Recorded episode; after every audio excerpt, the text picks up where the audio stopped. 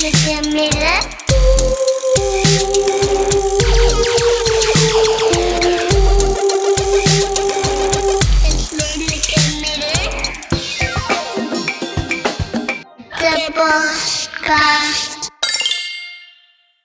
luisteraars, Farah en Pim hier. Welkom bij een nieuwe aflevering van Het Redelijke Midden, de podcast die je vertelt hoe je moet denken en voelen, zodat je dat niet zelf hoeft te doen. Je kunt ons er tegenwoordig zelfs voor betalen, toch Pim? Ja, voor 3 euro in de maand ben je al een kameraad van onze podcast.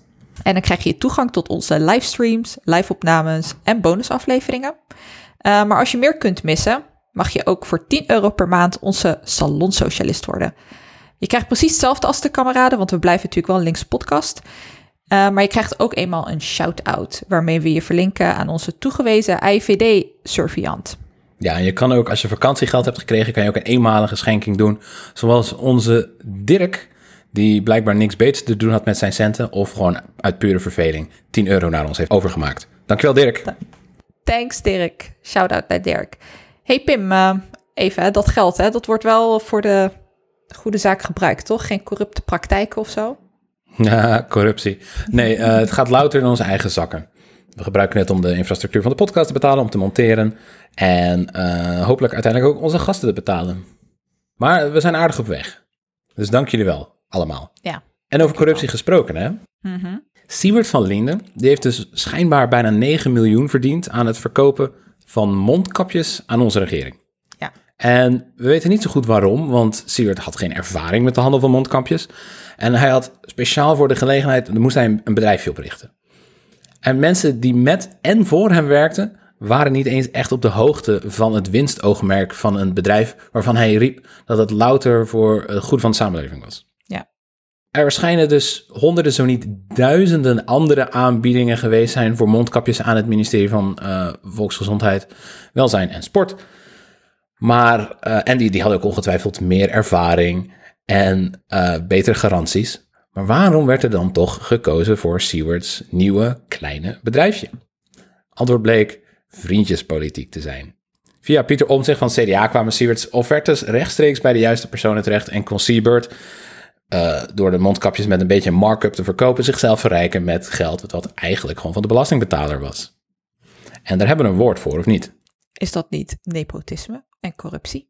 Dat zijn inderdaad nepotisme en corruptie. En dat is naakte corruptie, dat is zonneklaar.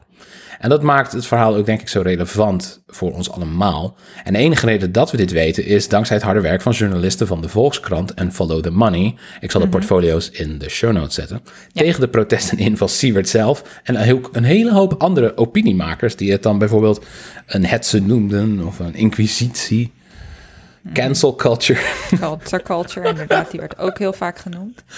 Eh, Die wilde dit- Siewert kapot maken. Die wilde Siewert echt kapot maken en aan de schandpaal nagelen. Maar dit is, eh, dit zo'n schandaal als dit is verre van de enige keer. Eh, over de partijen die nu kabinet Rutte 3 vormen, worden keer op keer integriteitsschandalen onthuld, om ze maar netjes te noemen. Ministers die hun collega's de hand boven het hoofd houden, Rutte's selectieve geheugen, papierwerk dat toevallig verdwijnt. Corruptie, dat is niks nieuws in Nederland, eigenlijk. Wat zeg je nou? Corruptie is Nederlands? Dat kan toch niet? Dat gebeurt toch niet in Nederland? Oer-Hollands. In Nederland zijn we gewoon corrupt. Maar toch zijn we elke keer weer verbaasd. Toch lijkt corruptie voor de meesten iets on-Nederlands. Want we hebben het hier toch zo goed. Nederland is toch een ontzettend gaaf land waar alles zo goed geregeld is en de meeste mensen deugen. Maar eh, volgens mij rammelt ons zelfbeeld aan alle kanten. En over dat zelfbeeld willen we het eigenlijk gaan hebben, Farah en ik. Ja. Want als doorsnee witte D66-stemmer en je denkt aan corrupte landen, kom je al snel uit bij, weet je wel, dictators van het Midden-Oosten of Russische en Chinese oligarchen of bijvoorbeeld operatie Car Wash in Brazilië, waar wij onlangs een goede aflevering over hebben gemaakt. Link in de show notes. Maar toch zeker niet hier. Toch niet hier, Farag? Nee, niet in Nederland inderdaad. Dat is iets wat eh, alleen maar gebeurt in andere gebieden, niet-westers gebieden, ehm, die eigenlijk doordrenkt zijn van corruptie. En eh, wat daar dan eh, over gezegd wordt is, omdat ze zo corrupt zijn, moeten ze wat meer gaan leren van ons, het Westen. En eh, dat doen wij niet alleen maar door ze de les te lezen, maar dat doen wij soms ook met militaire interventies. Toch? Zo zijn we dan ook wel weer. En dat zelfbeeld, dat is eigenlijk helemaal niet nieuw. ehm, dat zelfbeeld is best wel historisch, ehm, best, wel, best wel oud. En dat is ook ehm, een zelfbeeld wat vanaf eigenlijk de 17e eeuw, vanaf het begin van het kolonialisme, gevormd werd. Ehm, Ja. En dat is een eh, zelfbeeld van het Westen waarin het Westen superieur is, waarin het Westen allerlei positieve karaktereigenschappen heeft. Het is ehm, ondernemend, dynamisch, innovatief. En dat staat eigenlijk in contrast tot het duistere, irrationele en bijna kinderlijke Oosten. En daar hebben we een woord voor. En dat is Orientalisme. Eh, en dit zelfbeeld, daar heeft eh, Edward Said over geschreven. In 1978 kwam zijn boek Orientalisme uit. Eh, en daarin zegt hij eigenlijk dat vanaf de Griekse tijd het Westen een superioriteitsbeeld van zichzelf heeft ontwikkeld. Ja, we denken Ehm, simpelweg dat we beter waren dan andere delen van de wereld. Precies. En dat zelfbeeld, dat eh, is niet onschuldig. Het is niet alleen maar dat ze dit dachten, eh, maar er kwam ook echt een actie uit voort, inderdaad. En eh, dat is kolonialisme geweest en imperialisme en later neocolonialisme en neo-imperialisme. Edward Said geeft toch ook heel veel aandacht aan de roman Heart of Darkness over een boottocht in de Congo. Ja, waarbij precies. naarmate ze dieper in het woud gaan, de mensen die er verblijven steeds nou ja, enger worden en gevaarlijker. En de, de natuur wordt ook onherbergzaam. Er is ook film over gemaakt, tenminste die erop is geïnspireerd. En dat is Apocalypse Now, die zich afspeelt in Vietnam. En naarmate er eh, dieper wordt gevaren, ook richting Cambodja, worden ook de, volkeren wilder en naakter en gebruiken ze oudere wapens en zo. En eh, het zijn haast geen mensen meer. Nee, er wordt dus ook heel erg gedehumaniseerd eh, met een orientalistische bril. Dus alle gebieden buiten de geografische grenzen van het Westen, laten we het voor het gemak eventjes Europa en later ook Amerika erbij noemen, ehm, worden dus eigenlijk op een hele simplistische manier beschreven. Een heel kwaadaardig beeld wat van ze geschetst wordt, alsof ze eigenlijk stilstaan in de tijd. Alsof geschiedenis daar niet gebeurt, alsof ze statisch zijn als het ware. Dus wat daar ook mee gebeurt, is dat je wel moet interveneren om ze eigenlijk beschaving bij te brengen en om ze progressief te maken. Ja, heb je wat concrete voorbeelden? Wat van die stereotyperingen of van die, van die dingen die het Westen zeggen over andere delen van de wereld? Ja, als je bijvoorbeeld historisch gezien kijkt naar, laten we zeggen, de 17e eh, en eh 16e eeuw. Wat je dan heel erg ziet is dat bijvoorbeeld Noord-Afrika, dat is een gebied waar ik eh, eh, zelf studie naar doe, eh, dat dan, je, je, hebt- het vast gehoord, het idee van de barbaren. en barbarijen. Dus barbarijen was het beeld wat, eh, ehm, of het gebied wat Nederland beschreef tussen Marokko en nou, laten we zeggen vandaag de dag Libië. En dat werd dus eh, Barbarije genoemd. En dat was een gebied waarin vooral piraterij en de slavenhandel actief was. Ehm, en wat je dus ziet is dat er in heel veel literatuur uit die periode ook op een hele simplistische manier over deze mensen gesproken wordt. Alsof iedereen die daar was ehm, zich met piraterij bezig hield of een slaaf was en dat het een heel eng gebied was. En dan moet je je voorstellen, dit is de ja, 17e eeuw als het ware. En dat is het beeld wat in Nederland dan geschetst wordt van die regio. En dat is een beeld wat eigenlijk best wel heel lang dominant is gebleven in, in ons Nederlands zelfbeeld over het Midden-Oosten. En vooral gericht op Noord-Afrika. Ja, dat het, eh, deze mensen zijn niet toevallig, maar echt van binnen, van zichzelf, fundamenteel en essentieel barbaars. Niet in staat tot het creëren van een duurzame beschaving, niet efficiënt gebruik kunnen maken van de rijkdommen die het land hen biedt. En ze kunnen ook niet vreedzaam omgaan met anderen, ze kunnen niet vreedzaam omgaan met elkaar zelfs. Ja, precies. En, en dus het Westen moet daar wel een stokje voor steken, als het ware, eh, om ze vooruit te helpen. En dat verlichtingsideaal, als het ware, zoals we dat eh, eh, zouden kunnen noemen, ehm, dat is iets wat dus in de literatuur heel erg naar voren kwam in de vroegmoderne tijd, dus de 17e en later 18e eeuw. Ehm, dus er werd heel veel reisverhalen naar het Midden-Oosten bijvoorbeeld vertaald, waarin dit soort problematische dingen gezegd werden over dat gebied. Ehm, maar wat je dus ook ziet, en dat is ook interessant, is dat dit de periode is waarin de wetenschap, ehm, en of de studie naar deze volkeren ook in de wetenschap uh, werd beoefend. En een leuk weetje voor onze luisteraars. Bijvoorbeeld de leerstoel Arabisch in Leiden is Wat in is een leerstoel? 1613 Oh, de leerstoel is een uh, wetenschappelijke positie uh, die werd opgezet uh, aan de Leidse Universiteit om de studie naar de Arabische taal en cultuur te financieren, als het ware. En de eerste professor, als het ware, was Thomas Erpenius. En dat wordt dus in 1613 gedaan. En dat is een van de oudste ja, wetenschappelijke posities in Europa, die zich met de Arabische taal en cultuur bezighoudt. Um, en wat je dus ziet is dat in deze periode dus wetenschap bedreven werd, um, specifiek gericht op het begrijpen van deze volkeren. En wat daar interessant aan is, is dat je dus ook het idee kunt ontwikkelen van wat wij, de kennis die wij over deze gebieden produceren, is niet zomaar onze perceptie hierop, maar het is echt neutrale wetenschappelijke kennis. En dat westerse superioriteit denken, als het ware, werd dus als neutraal gepresenteerd. Waardoor je dus ook vanuit de wetenschap, um, ik bedoel, we moeten wel zeggen, gewil of bewust of onbewust eigenlijk als het ware, uh, de koloniale praktijken van uh, Nederland, maar ook in andere landen, uh, andere imperialistische landen, goed praat. Dus en eigenlijk, legitimeert. Dus eigenlijk doen we alsof onze wetenschap over de rest van de wereld gebouwd was op een soort van objectieve, neutrale waarheid. Maar eigenlijk Precies. was het partijdige nonsens. Precies.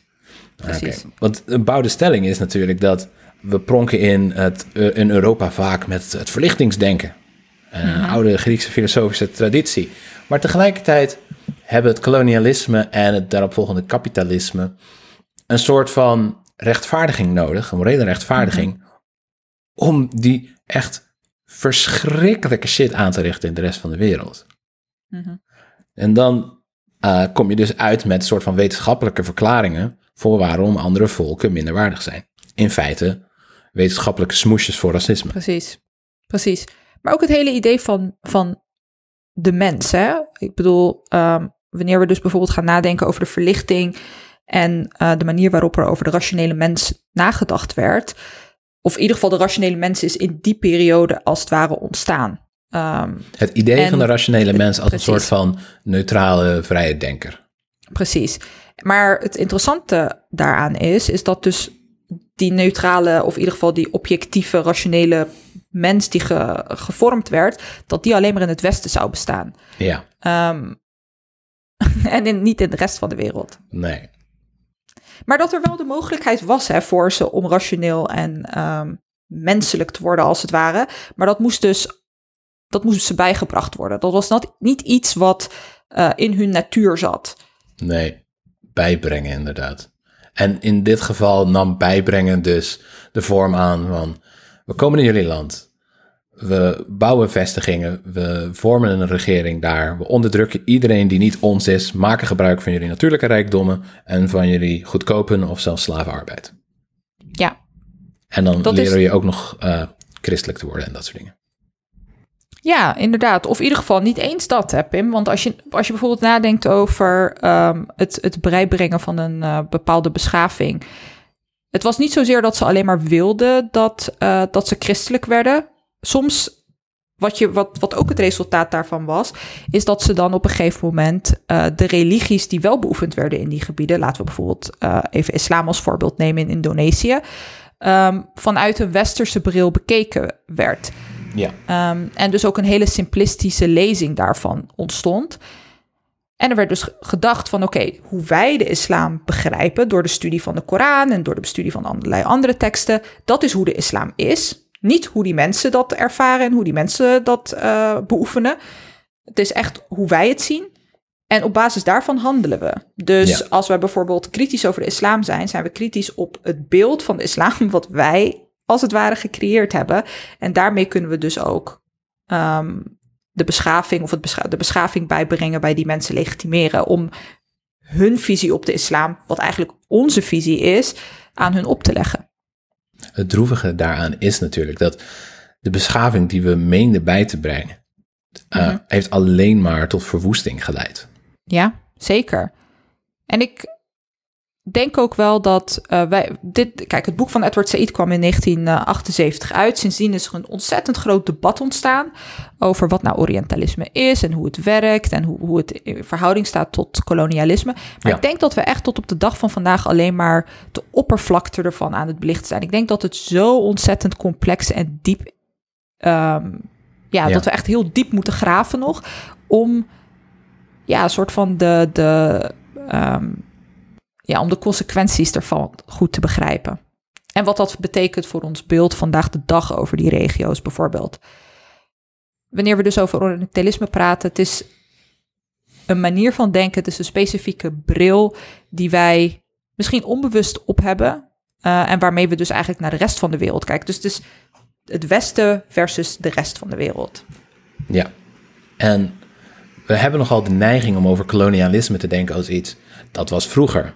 Mensen noemen het nu ook nog steeds. Daar, dat was niet mijn schuld. Daar heb ik niks meer aan. Waarom zouden we onze excuses aanbieden? Waarom zouden we herstelbetalingen doen? Maar de welvaartsverdeling die voortkwam uit kolonialisme, dus bijvoorbeeld hoe Nederland zich heeft verrijkt met de arbeid en natuurlijke grondstoffen van Indonesië, dat bepaalt nog steeds onze positie in de wereld, onze welvaart.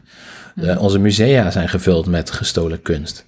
Onze grachtenpanden zijn gebouwd met koloniale welvaart. Onze hele cultuur is doorspekt met een rijkdom die alleen maar kon voortkomen uit ehm, nou ja, geweld en diefstal. Ja, En zo is ook de Gouden Koets natuurlijk betaald met de rijkdom uit koloniën. Maar niet alleen dat, die verdeling vindt nog steeds plaats. Het Westen gebruikt nog steeds de rest van de wereld als plek voor goedkope arbeid en voor het pakken en stelen van natuurlijke rijkdommen en het opleggen van zogenaamd eigentijdse superieure, superieure westerse normen en waarden.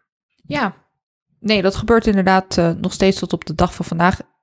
En het interessante eh, daaraan is dat, kijk, Orientalisme heeft zich natuurlijk historisch gezien ehm, ontwikkeld en, en, en het is natuurlijk niet constant gebleven, eh, zoals sommige mensen eh, misschien denken.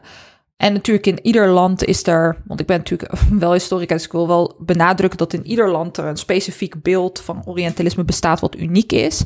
Ehm, maar de soort van algemene rode draad in dit verhaal is dus dat allerlei westerse mogendheden ehm, in Noord-Europa en Zuid-Europa, waar dan ook, dat superioriteitsdenken ehm, ja, in stand willen houden. En dat, dat nog tot op de dag van vandaag inderdaad nog steeds gebruiken om ehm, ja, economie, politiek, cultuur van andere landen als, ehm, als minderwaardig te bestempelen.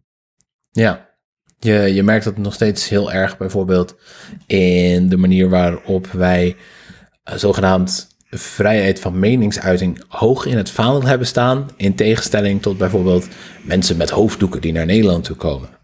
Eh, want je ziet nu bijvoorbeeld hoe wij nadenken over islam. Dat daar mogen vrouwen in Saudi-Arabië geen auto rijden. En daar moeten ze hoofddoekjes dragen en zo. Maar tegelijkertijd dwingen wij vrouwen om geen hoofddoekjes te dragen. Precies. Die dus vrijheid. de vrouw heeft die keuze niet, inderdaad. Het is niet de keuze aan haar. Ehm, en dat is dus natuurlijk het hele problematische aan dit hele verhaal. Is dat je zegt dat je ze wil bevrijden. eh, maar wat je daarmee doet, is je legt ze een andere manier van denken op. Ehm, wat volgens jou een superieure manier van denken is. Ja. Of ze dat nou willen of niet. En het ironische is natuurlijk dat je claimt voor vrijheid te zijn, maar je bent het eigenlijk niet. Een kern van het Orientalisme is natuurlijk dat ja, je projecteert een heel minderwaardig beeld op de rest van de wereld, maar dat doe je ook enerzijds om jezelf een identiteit te geven, om jezelf het gevoel te geven, wij zijn beter, wij zijn superieur. En dat is niet per se gebaseerd op je handelen en op je, je, je, je kennis, maar louter op hoe je jezelf neerzet, hoe je jezelf profileert als land. Dus Nederland is bijvoorbeeld een, eh, een vrij land en het is heel progressief, want we hebben vroeg het homohuwelijk gelegaliseerd en we hebben een internationaal rechts, eh, strafhof. Maar tegelijkertijd is het overgrote deel van geweld tegen de LHBTI-gemeenschap in Nederland nog steeds van witte mensen. En nou ja, zoals je ook al merkt met nou ja, bijvoorbeeld integriteitsschandalen en de corruptie waar we het begin van de aflevering over hadden, kijken we ook niet zo nauw naar de wet. Mhm. Je kan zelfs zeggen dat bijvoorbeeld voor de rijken, zeker zoals je kon zien in de nasleep van de financiële crisis van 2008, bestaan er eigenlijk amper wetten. Ze hoeven geen belasting betalen, ze kunnen fraude plegen, ze kunnen corrupt zijn, met nagenoeg geen gevolgen. Ja, want het systeem is door hen als het ware eh, gevormd om hun belangen te dienen, als het ware. En dan, dan, wat je dan krijgt is, bijvoorbeeld, ik, ik merkte dat heel erg in dat eh, debat van eh, eh, bij Buitenhof, of in ieder geval het gesprek met Siebert, Ja. waarin die dan heel erg wilde hameren op het feit dat hij, nou weet je, het, is, het was een stichting, maar wat eigenlijk door elkaar liep, is dat het ook een BV was. En weet je, met dat jargon, dat juridische jargon wat hij dan gebruikt, zegt hij eigenlijk van, ja, maar het is helemaal geen, het is helemaal niet problematisch wat ik deed. Ik heb gewoon de regeltjes gevolgd. Ja, Ehm, zonder ook echt stil te staan bij het morele aspect van dit hele verhaal, is dat je eigenlijk mensen gewoon voorgelogen hebt die helemaal niet wisten dat jij überhaupt een BV had opgericht. Ehm, dus wat je ziet is, je, is gebruik, je gebruikt een specifieke manier van praten om te legitimeren dat je eigenlijk ja, een boef bent. moreel een boef bent, inderdaad. inderdaad. Maar, maar ja, weet je, in, in, in dat gesprek kun je jezelf wel profileren als iemand die eh, zich gewoon aan de regels gehouden heeft. Ja. En dat superioriteitsidee, dat idee dat je gewoon eh, dat je slim bent en rationeel en de beste bent in het pakken van wat je, waar je recht op hebt, dat legitimeert nog altijd bijvoorbeeld eh, ja, wat ze neo-imperialistische project, het neo-imperialistische project noemen. Het idee dat kolonialisme eigenlijk gewoon nieuwe vorm heeft aangenomen doordat enorme bedrijven, dus de natuurlijke rijkdommen van de rest van de wereld, plunderen met steun van westerse overheden. Ja. Bijvoorbeeld de oorlog in Iran, of Irak en Afghanistan, wat zogenaamd een vergelding was natuurlijk voor de terreuraanslag op de Twin Towers in 9-11. Ehm, maar waarvan er dus ook zwaar gespeculeerd wordt dat het helemaal niks te maken had met die landen. En dat het louter ging om het veiligstellen van oliebronnen in het Midden-Oosten. En het vergroten van de invloedssfeer van de Verenigde Staten in de regio. Wat dan Alle- werd verpakt als het brengen van democratie. Ja, ik vroeg laatst toevallig nog een paar vrienden eh, of zij een idee hadden van waarom, wat de motivaties waren van Osama bin Laden om de Verenigde Staten aan te vallen. En die aanval is verwerpelijk, dat staat buiten kijf. Maar heel veel mensen leven blijkbaar nog steeds met het idee dat het gewoon is omdat hij een boze moslim was die het Westen haat. Mhm. Terwijl het een reactie is op een onnoemelijk complex en, en een nare situatie van eh, Amerikaanse bemoeienis met de politiek daar. Het steunen van dictators en het omwerpen van, van regeringen die bijvoorbeeld de eigen oliebronnen willen nationaliseren en zo. Of, of sterker nog, het geval van Osama bin Laden eigenlijk gewoon... eh, Bewapend om de communisten te bevechten. be- precies, in. Afghanistan. Ja, want Afghanistan eh dreigde natuurlijk onderdeel te worden van de communistische invloedssfeer in de Koude Oorlog. Dus eh, zijn de Mujahideen, eh, als ik dat goed zeg, Ja. daar bewapend door de Verenigde Staten. En dat bijt zich dan 30 jaar later weer in de Hij kop. werd volgens mij ook in een artikel werd hij, werd hij echt als een soort van held geprezen. Klopt. Ik weet niet meer of dat de New York Times was of zo, maar er is in ieder geval een headline waarin die wordt genoemd als een soort van held in die regio in die periode. Ja, en dat is, eh, je merkt het ook nu nog steeds bijvoorbeeld eh, in Bolivia werd Evo Morales eh, van een troon gestoten, omdat hij volgens mij de lithiummijnen wilde nationaliseren. En lithium is natuurlijk een heel belangrijk onderdeel voor de batterijen, voor onze elektrische auto's en dergelijke. Waardoor bijvoorbeeld Elon Musk op Twitter zelf zei, we werpen gewoon om wie wij willen. Weet je wel, als het maar gaat voor onze rijkdom en onze elektrische auto's. Dus dat, dat imperialistisch idee is er nog altijd heel sterk. Kolonialisme leeft nog steeds. En de ideeën die wij gebruiken om dat te legitimeren, bijvoorbeeld moslims zijn barbaars of ze kunnen niet omgaan met de rijkdom die het land hen geeft, die, die gelden nog altijd. Die worden nog steeds gebruikt. Ja. Ja, het, gewoon het idee dat zij gewoon anders functioneren als mensen. Weet je wel, het idee dat zij.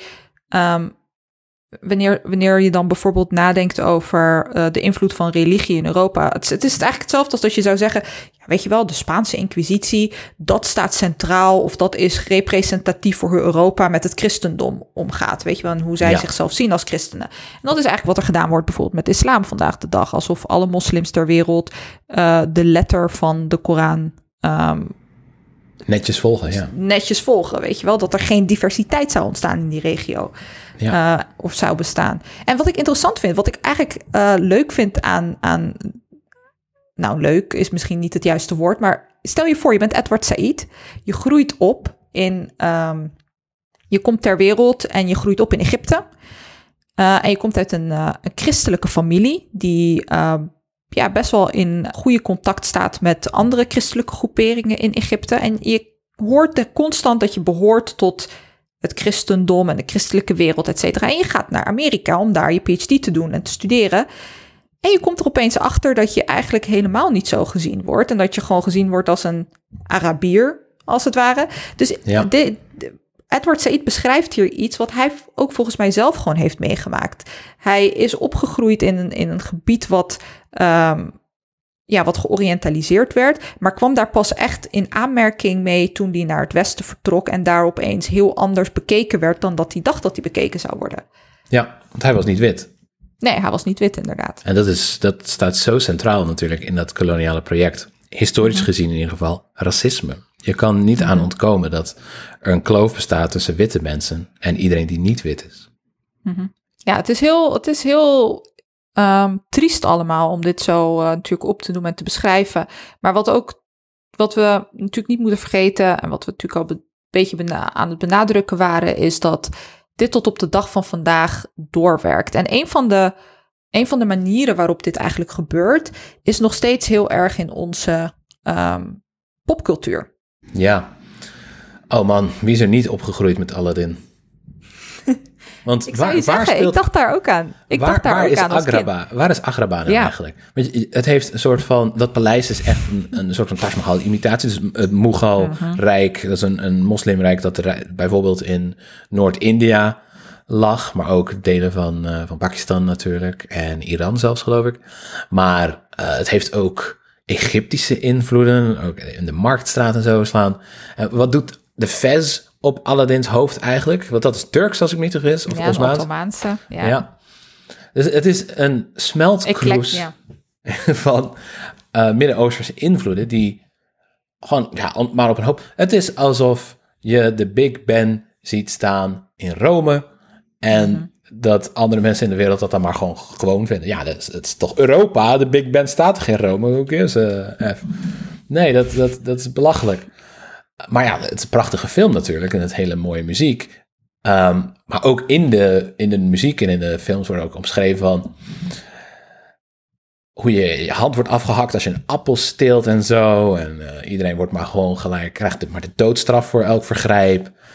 En ehm, En er is een heel Jafar die, die wil eh, zijn harem uitbreiden en wil Jasmin daarin. En Jasmin ziet er heel sensueel en zwaar geseksualiseerd uit. ja, Ehm, dus wat jij ook zegt inderdaad, Pim, het is, eh, het is een soort van mengelmoes van allerlei verschillende ehm, dingen die uit het zogenaamde oosten gehaald worden en in één productie worden gezet. it's barbaric, En but hey, it's, It's home. barbaric. Exactly. Precies. Maar ik zou je zeggen, ik keek Aladdin als kind natuurlijk. Mhm. En ehm, ik weet nog wel dat ik mijn ouders gewoon gevraagd heb van... eh, waar komt Aladdin dan vandaan? Is die, ik vroeg nog aan moeder, is die dan Irakees? Ja, ik weet niet. En, en mijn moeder keek me echt zo aan van... nee, maar dit is gewoon fantasie, weet je wel. Dit, dit, dit is niet iets wat op de werkelijkheid gebaseerd is. Maar dat geeft ook al aan van... als, als, als er al zo vroeg in je kinderjaren zo'n beeld geschetst wordt... ja, toen ik dan aan het Midden-Oosten of aan het Oosten dacht... ehm, was Aladdin ook hetgeen wat in mijn hoofd opeens. Het is maar dat ik ook naar Libanon ging en mijn familie ging opzoeken. Maar toch, Aladdin was, was Ja. voor mij een soort van het oosten. Het is één, één grote zandregio, één grote zandbak, met af en toe een oase. Ja. Joost mogen weten waar ze hun, eh, hun fruit en groenten vandaan halen, want er is alleen maar zand. Mhm. Ja, en eh, mensen hebben kromzwaarden en eh, weet je, ze doen dat ding met hun tong, zo. alalalala. En dat, En dat, dat wordt in alle, bijvoorbeeld alle, heel veel Hollywoodfilms, hè, dat eh, wist ik ook, of kwam ik ook pas recentelijk achter. Heel veel Hollywoodfilms die ehm, over het Midden-Oosten gaan, die spelen allemaal af in Marokko. Daar worden alle films die over het Midden-Oosten gaan opgenomen. En dus het beeld wat wij vandaag de dag hebben, en dat zie je ook bijvoorbeeld bij Netflix, als je dan zo'n filmpje of een documentaire of eh, een film opzet, dan zie je een specifieke gele, geelachtig, oranje-achtige achtergrond. En dan zie je Marokko. En dat is eigenlijk een beetje, dat is het oosten. Al- het oosten is Van- Marokko. Het oosten is Marokko inderdaad. Ja, en eh, de, de gevolgen ervan zijn zo enorm. Ehm, want kijk, Orientalisme, we hebben het nu vooral over het Midden-Oosten gehad, omdat Edward Said, die de term eh, heeft geopperd, zich daar ook op heeft gericht. Maar het Ja. concept is toepasbaar op alle delen van de wereld in feite. Je ziet het nu bijvoorbeeld nog steeds hoe mensen denken dat het coronavirus is ontstaan in China omdat mensen daar zogenaamd allemaal rare dieren zouden eten, zoals hond. Je eet toch geen hond? Nou, ik zou jullie vertellen, kippen zijn ontzettend sociale en intelligente wezens en varkens ook. Zijn heel gezellig, zijn leuke huisdieren. We eten ze en vermoorden ze en eten ze massaal. En het heeft ook niets mee te maken, want weet je, je kan in het Westen kan je gewoon mond- en klauwzier krijgen, of, eh, beek- of de gekke koeienziekte, of eh, allemaal nare uitbraken. Maar omdat corona toevallig de pandemieloterij won, bij je zo zeggen, is dat het de schuld van hoe de Chinezen raar zijn en rare eetgewoontes hebben en onhygiënische markten en dat soort ongein. Nee, nee, het is gewoon een heel erg universele intensivering van de veeteelt en de bio-industrie die op steeds groter conflict komt te staan met de natuurlijke wereld. Ja. Ik denk dat ik daar ook naar verwezen had in de, in de aflevering over complotdenken. Eh, toen we het over complotten hadden, et cetera. Dat bijvoorbeeld het hele idee van de verspreiding van ziektes. eh, dat dat historisch gezien altijd vanuit de niet-westerse delen van de wereld kwam. Ehm, dus eh, de pest bijvoorbeeld werd gezien als een, orient, of als een ziekte uit het Ottomaanse Rijk. Wat Ja. met het schip in Marseille aankwam en zich over de rest van de wereld had verspreid, weet je wel? Ja. Dus dat is ook een, een, een manier van kijken naar die wereld, alsof het een wereld is van ziektedragende mensen. Ja, het is in ieder geval vies. Het is vies, ja. En Het, het gaat twee kanten op. Het, is- het is een soort van oud dualisme of zo. Het oosten is tegelijkertijd magisch en innemend en romantisch en sensueel. Maar ook gevaarlijk, ongrijpbaar, onbetrouwbaar en barbaars. Twee dingen tegelijk. Het westen is daar tegenover natuurlijk gewoon bekend en rationeel en divers en veilig en fijn en licht versus donker. En er zit ook een hele interessante genderverhouding in. Eh, want als je het zo beschrijft, Pim, eh, Ja. dan, dan, dan is het Westen eigenlijk een beetje de man in, in, in deze tweedeling. En het Oosten is dan de vrouw. Dus alle karaktereigenschappen die, ehm, problematische karaktereigenschappen, laat ik het zo zeggen, die toegewezen worden aan vrouwen, eh, zijn degene die ook aan het Oosten werden toegewezen. Dus het is een soort van onderwerping van een gebied. ehm, Ja, je kan zelfs nog dus Freudiaanser gaan. En eh, zeggen dat het mannelijke Westen het vrouwelijke Oosten moet nemen. Overmeesteren. Een beetje Thierry Baudetten. Oh god, ja. Nee, maar over, over, over zeg maar de, de zware seksualisering en eh, problematische manier van kijken naar vrouwen. Ik weet niet of jij dat ook eh, merkte, Pim, maar ik weet nog dat toen ik... Als ik Ja, als witte man ben ik heel gevoelig nee. voor deze. Nee, wat ik wilde zeggen is, als je, toen ik bijvoorbeeld, of eigenlijk, nou vandaag de dag iets minder, maar wanneer je bijvoorbeeld in de begin 2000, en zeker na 11 september, de Bruna of de Paagman binnenliep, was, had je altijd die tafels met die boeken, en dan zat altijd een gesluierde vrouw eh, op, op de cover, weet je wel, met, eh, met hele mooie ogen, of soms zag je de ogen niet eens, en dan werd er gezegd van, ik wil vrij zijn, of ik wil... ehm, red mij. Weet je wel, echt van die hele rare titels. Maar dat is echt, zeg maar, nog steeds de manier waarop er naar die vrouwen gekeken wordt. Mhm. Ehm, en dat is een interessant is van vroeger keken we naar die vrouwen omdat ze daar in het oosten zaten. Eh, en dan was het makkelijk. Maar nu vandaag de dag lopen ze gewoon hier in de Albert Heijn, Ja, in, ehm, Dat zijn Ja. gesluier, een, een sluier is voor een vrouw als een kooi. En ze wil niets liever dan een, een westerse witte man die haar eruit bevrijdt. Je, je, moet, je moet en zal gered worden. Ja, je moet en zal je lichaam laten zien, want dat is vrij. En hoe naakter je bent, hoe vrijer.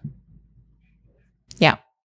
Maar tegelijkertijd ehm, ook weer niet, hè? Want het is natuurlijk wel zo dat, ehm, dat er nog steeds heel problematisch gekeken wordt naar zelfs vrouwen die hun eigen seksualiteit claimen.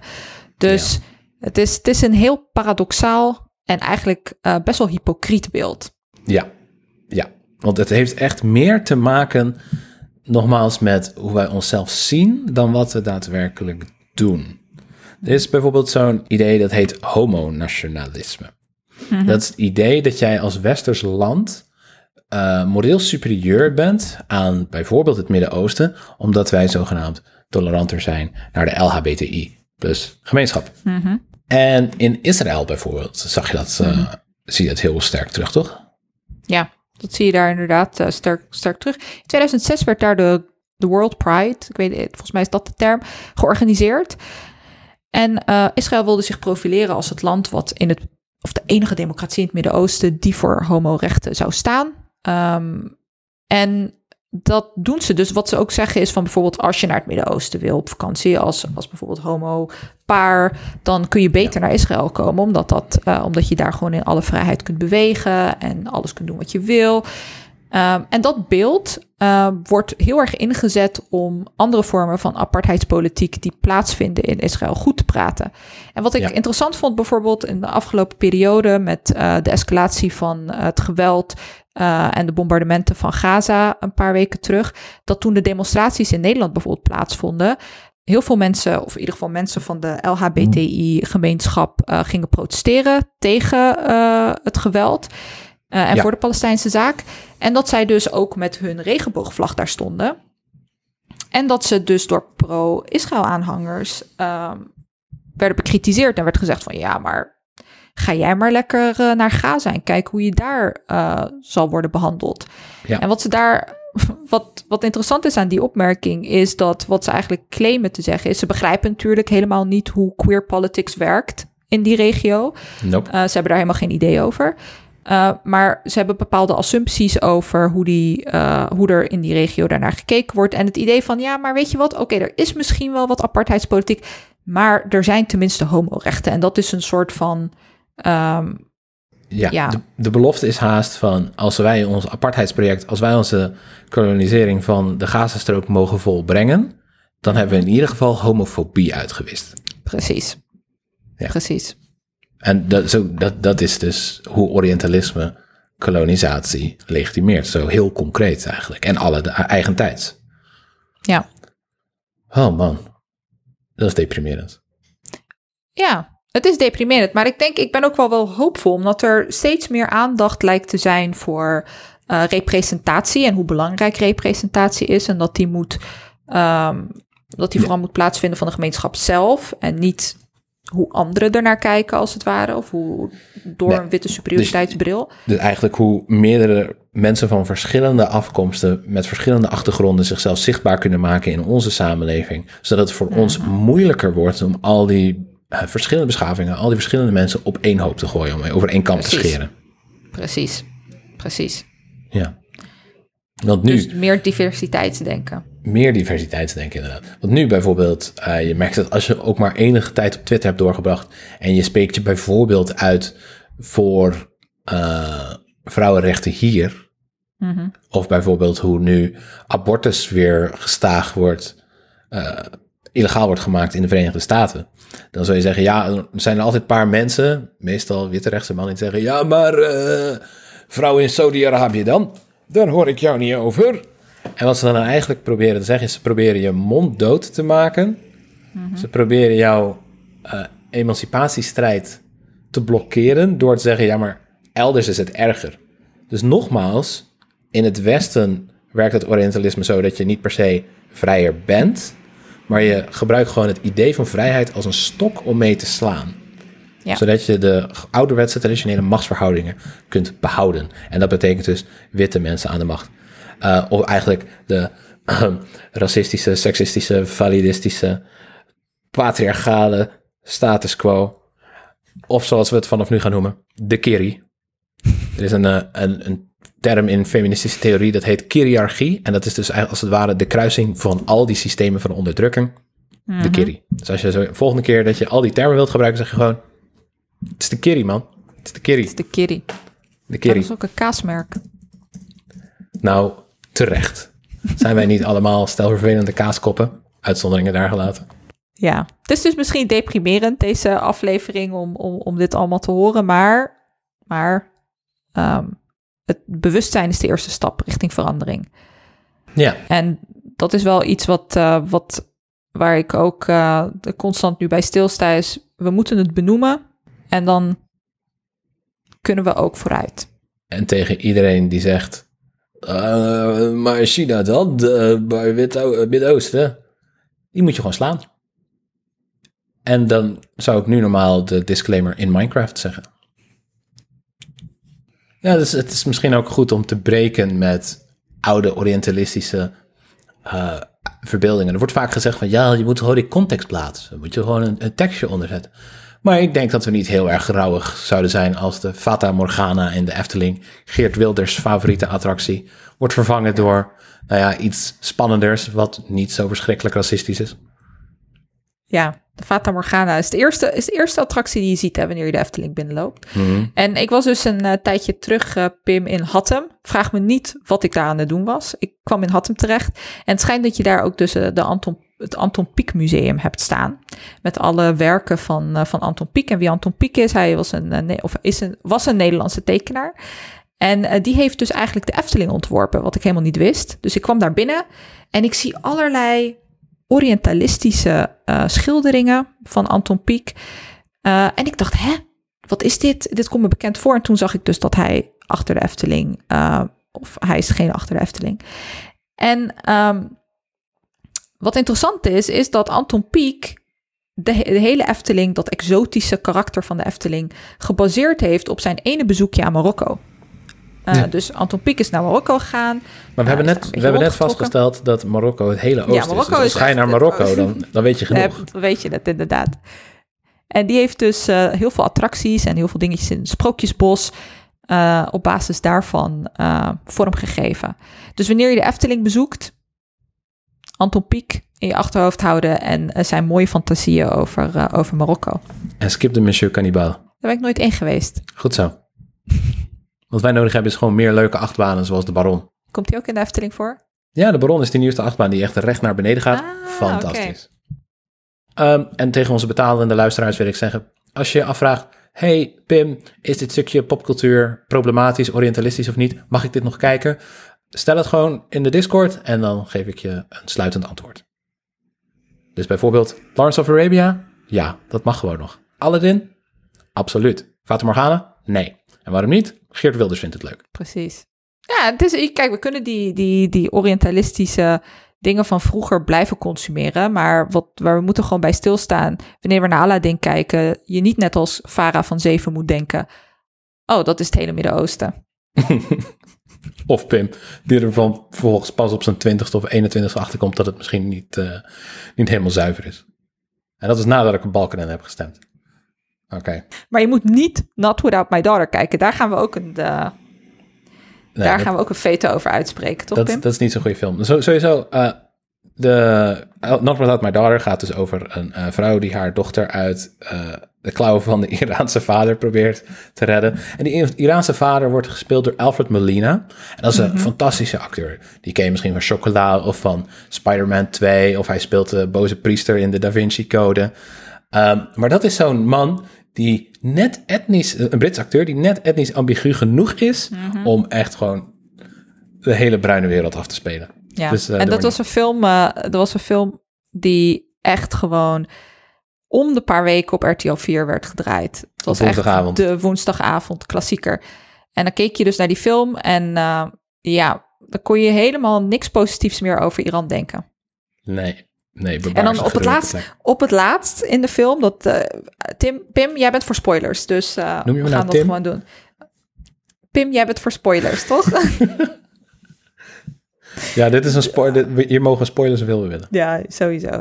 Dus op het, op het laatste in de film komt ze, ontvlucht ze Iran en ze, de film eindigt met haar die dan met, haar met haar dochtertje in de armen de Amerikaanse vlag ziet en dan zich helemaal, ja, helemaal emotioneel wordt en denkt van oké, ik ben eindelijk dat land ontvlucht en ik ga nu richting de vrijheid. De vrijheid van failliet gaan als je een ambulance wilt bellen.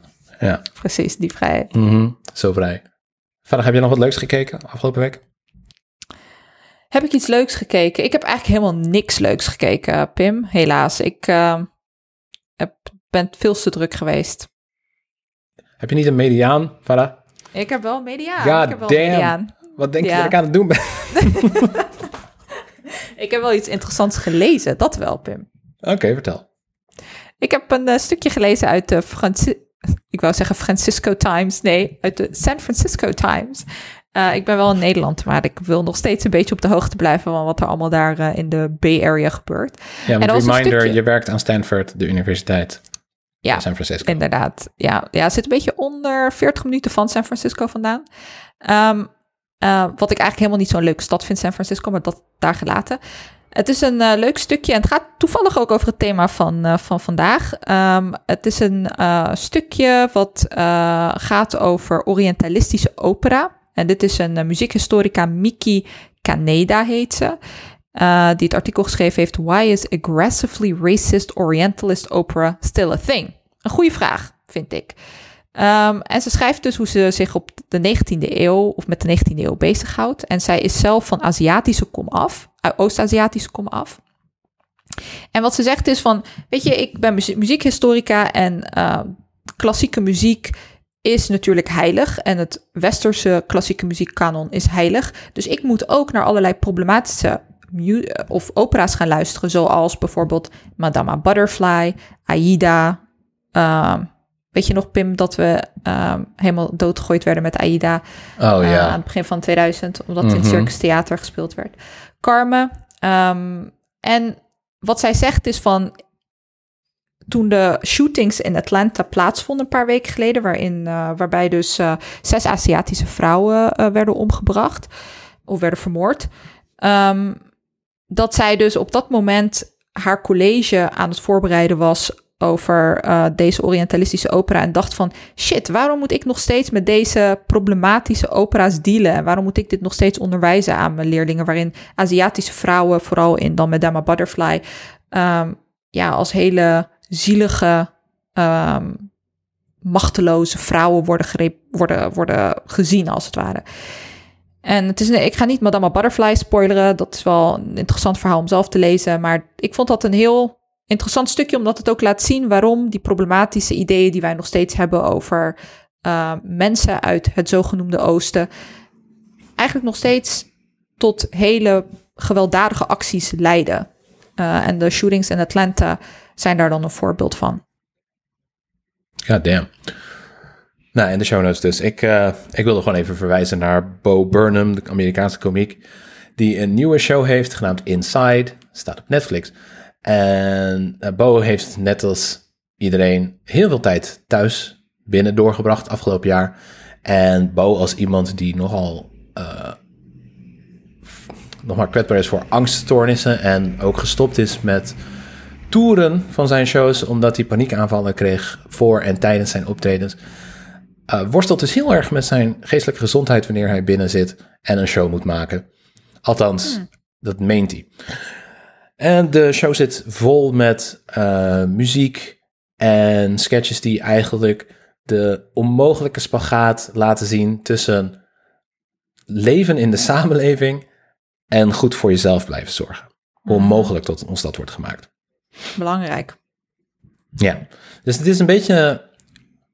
Kijk, als je zelf al een beetje worstelt natuurlijk met uh, bepaalde problemen in de samenleving, het kan een beetje zwaar zijn. Maar desalniettemin is het zeker het kijken waard. Bo, Burnham, Inside.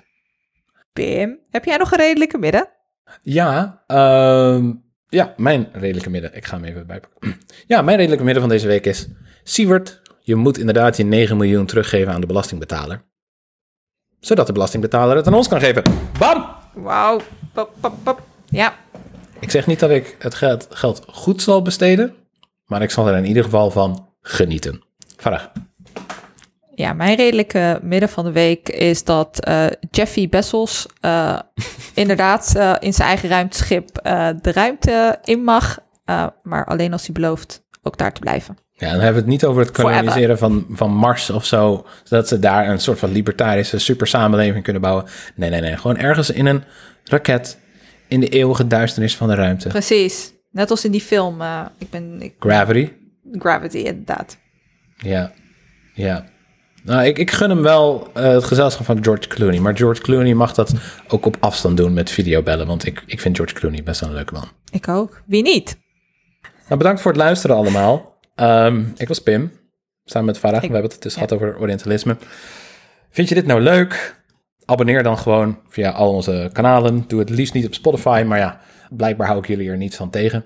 Je kan ons ook steunen op petje.af, petje as fuck. Weet je wel, 3 euro in de maand. We hebben het hier al over gehad. Ik waardeer in ieder geval iedereen die ons helpt deze podcast te maken. Verder volg ons op Twitter en Instagram, het redelijke midden en het redelijke midden. Ja. Oké, okay, dus Instagram, het redelijke midden.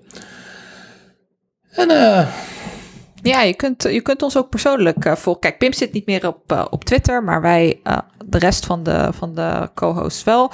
je kunt Thijs volgen op @kleinpastethijs en Annelot op Lennart Spion en mij op Farah en Bazzi. Ja, de M van? De M van Mahmoud. En dat is de naam van mijn vader. Nou, bedankt voor het luisteren en tot over twee weken. Ja, tot over twee weken. En word vooral lid en kom naar onze livestreams. Er gebeuren hele leuke, fantastische dingen. Ja, zoals ik keur twee uur lang of je Orientalistische film oké is of niet. Precies. Voor maar drie euro in de maand. Doei.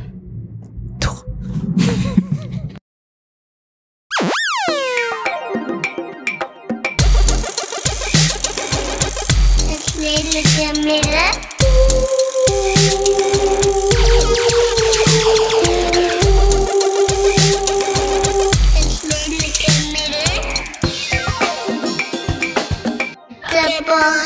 Class.